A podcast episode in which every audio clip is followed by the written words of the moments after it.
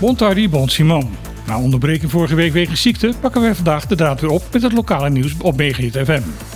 Ik ben Martin Hiesmuller en dit zijn de punten in het nieuws van vandaag die ons opvielen. De meteorologische dienst van Curaçao heeft voor vandaag wederom code geel afgegeven. Het is de tweede dag op rij dat de dienst extreme hitte verwacht op onze eilanden. Meter Curaçao verwacht dat de temperatuur vandaag op kan lopen tot 36 graden. Doordat er weinig wind zal zijn, kan daarbij de gevoelstemperatuur oplopen tot over de 40 graden. Aangeraden wordt om als je activiteiten buitenshuis hebt veel te drinken en zware inspanningen te vermijden. Oververhitting is niet ongevaarlijk en kan zelfs dodelijk zijn. Vooral kinderen, ouderen en hartpatiënten lopen daarbij het meeste risico. In de maand augustus heeft Bonaire minder toeristen mogen ontvangen dan in de maand daarvoor, juli. Dat is op te maken uit cijfers die vanmorgen door TCB, Bonhata, Bia en de havenmeester bekend zijn gemaakt. Bezochten in juli 12.500 mensen ons eiland, in augustus waren dat er 1000 minder. Verder blijkt dat de hotelbezetting dit jaar lager te zijn dan het afgelopen jaar. In augustus vorig jaar was de bezettingsgraad van hotels 74%, dit jaar is dat niet meer dan 58%. Of deze dalende tendens wordt veroorzaakt door de pas ingevoerde visitor entry tax van 75 dollar per bezoeker is nog niet helemaal duidelijk.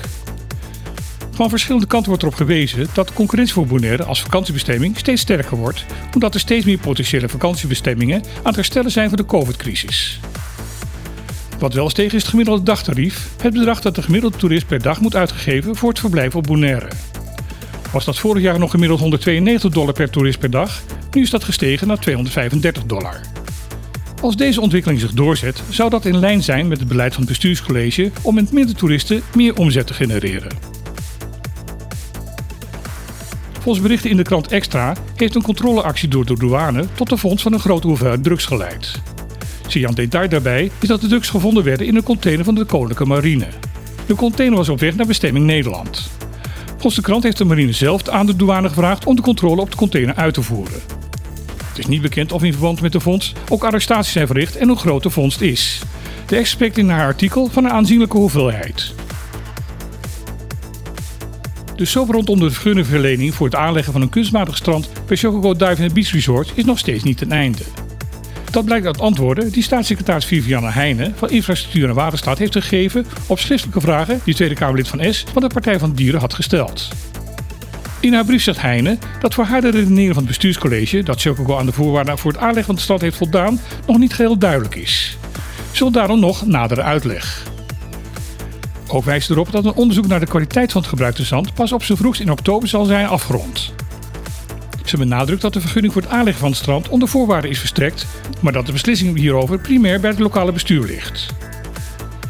In haar brief stelt Heine verder dat het voor haar nog steeds niet duidelijk is, of bij een ander kunstmatig aangelegd strand, dat van Ocean Oasis, alle vergunningen ook daadwerkelijk zijn verstrekt. In haar eindconclusie zegt de staatssecretaris dat er rondom het verlenen van vergunningen bij dit soort projecten zeker ruimte is voor verbetering. Dit was lokale nieuws van Megahit FM. Ik wens u nog een hele fijne dag en houd bij deze temperatuur uw hoofd koel. En dan graag tot morgen.